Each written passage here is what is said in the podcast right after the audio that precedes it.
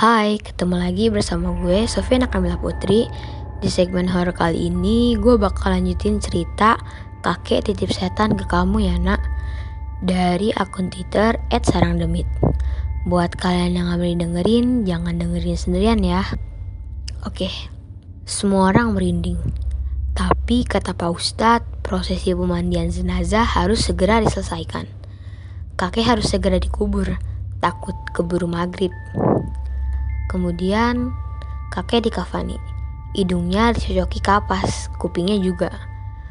Keluarga besar masih nangis. Udah gitu kakek dibawa ke masjid buat disolatin. Beres disolatin, lanjut ke kuburan.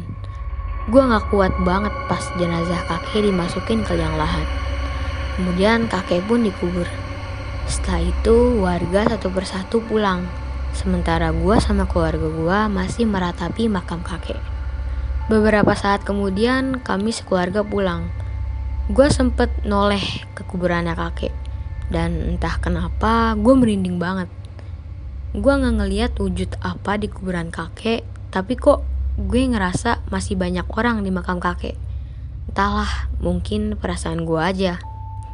Sesampainya di rumah, gue disuruh mandi.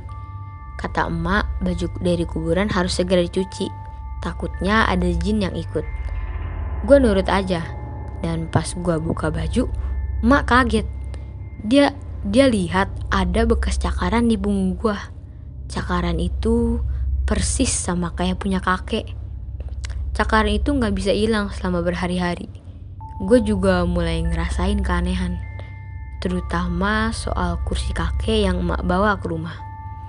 Katanya sih buat kenang-kenangan. Gue sering banget ngedenger kursi itu geser-geser sendiri kalau malam. Asli, kursi itu gue sering denger getar sendiri. Terutama waktu jam 1 dini hari. Gue udah bilang ke emak biar kursi itu dibalikin aja ke rumah kakek. Tapi emak kekeh gak mau. Alhamdulillah satu minggu kemudian cakaran di punggung gue hilang sendiri. Tapi gue ngerasa penghuni rumah gue bertambah. Gue sering aja gitu ngedenger langkah kaki kalau malam, terutama di dapur. Awal-awal gue takut banget, tapi sekarang kayak udah biasa aja gitu. Yang bikin gue bingung itu soal satu kamar di rumah gue. Kamar itu tadinya ditempatin adik perempuan gue, tapi katanya dia sering mimpi buruk. Terus lampu di kamar itu sering banget mati. Ganti lampu seminggu bisa tiga kali. Akhirnya kamar itu dikosongin sekarang kamar itu udah kosong bertahun-tahun. Mana sebelahan sama kamar gue lagi. Aduh, ngeri banget. Bapak nggak pasang lampu di kamar itu karena bosen mati lagi, mati lagi. Dan anehnya kejadian itu ngerambat ke kamar gue.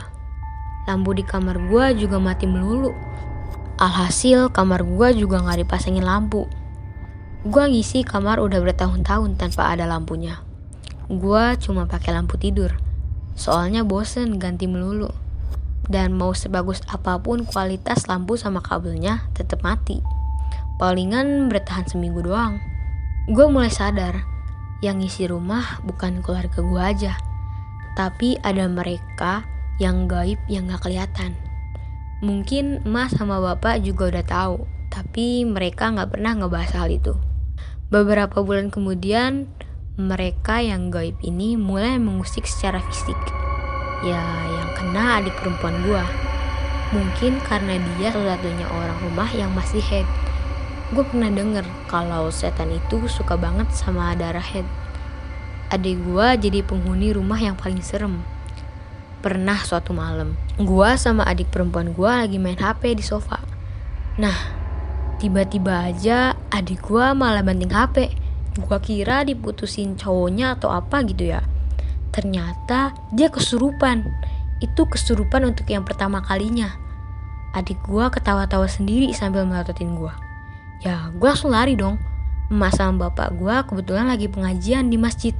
Gua lari sekuat tenaga ninggalin adik gua yang lagi kesurupan di rumah sendirian. Gua panik manggil-manggil emak sama bapak.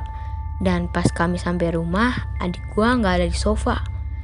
Tapi kami ngedenger suara dia lagi ngaji.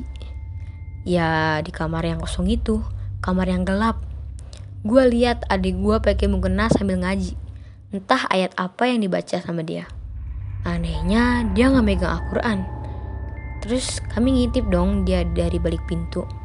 No, sapa emak. Dan adik gua noleh ke emak. Tapi kedua mata dia terpejam. La ilaha illallah, teriak emak. Kami langsung nyamperin si Enok. Yang tak lain adalah adik perempuan gua satu-satunya. Oke, ceritanya masih panjang nih.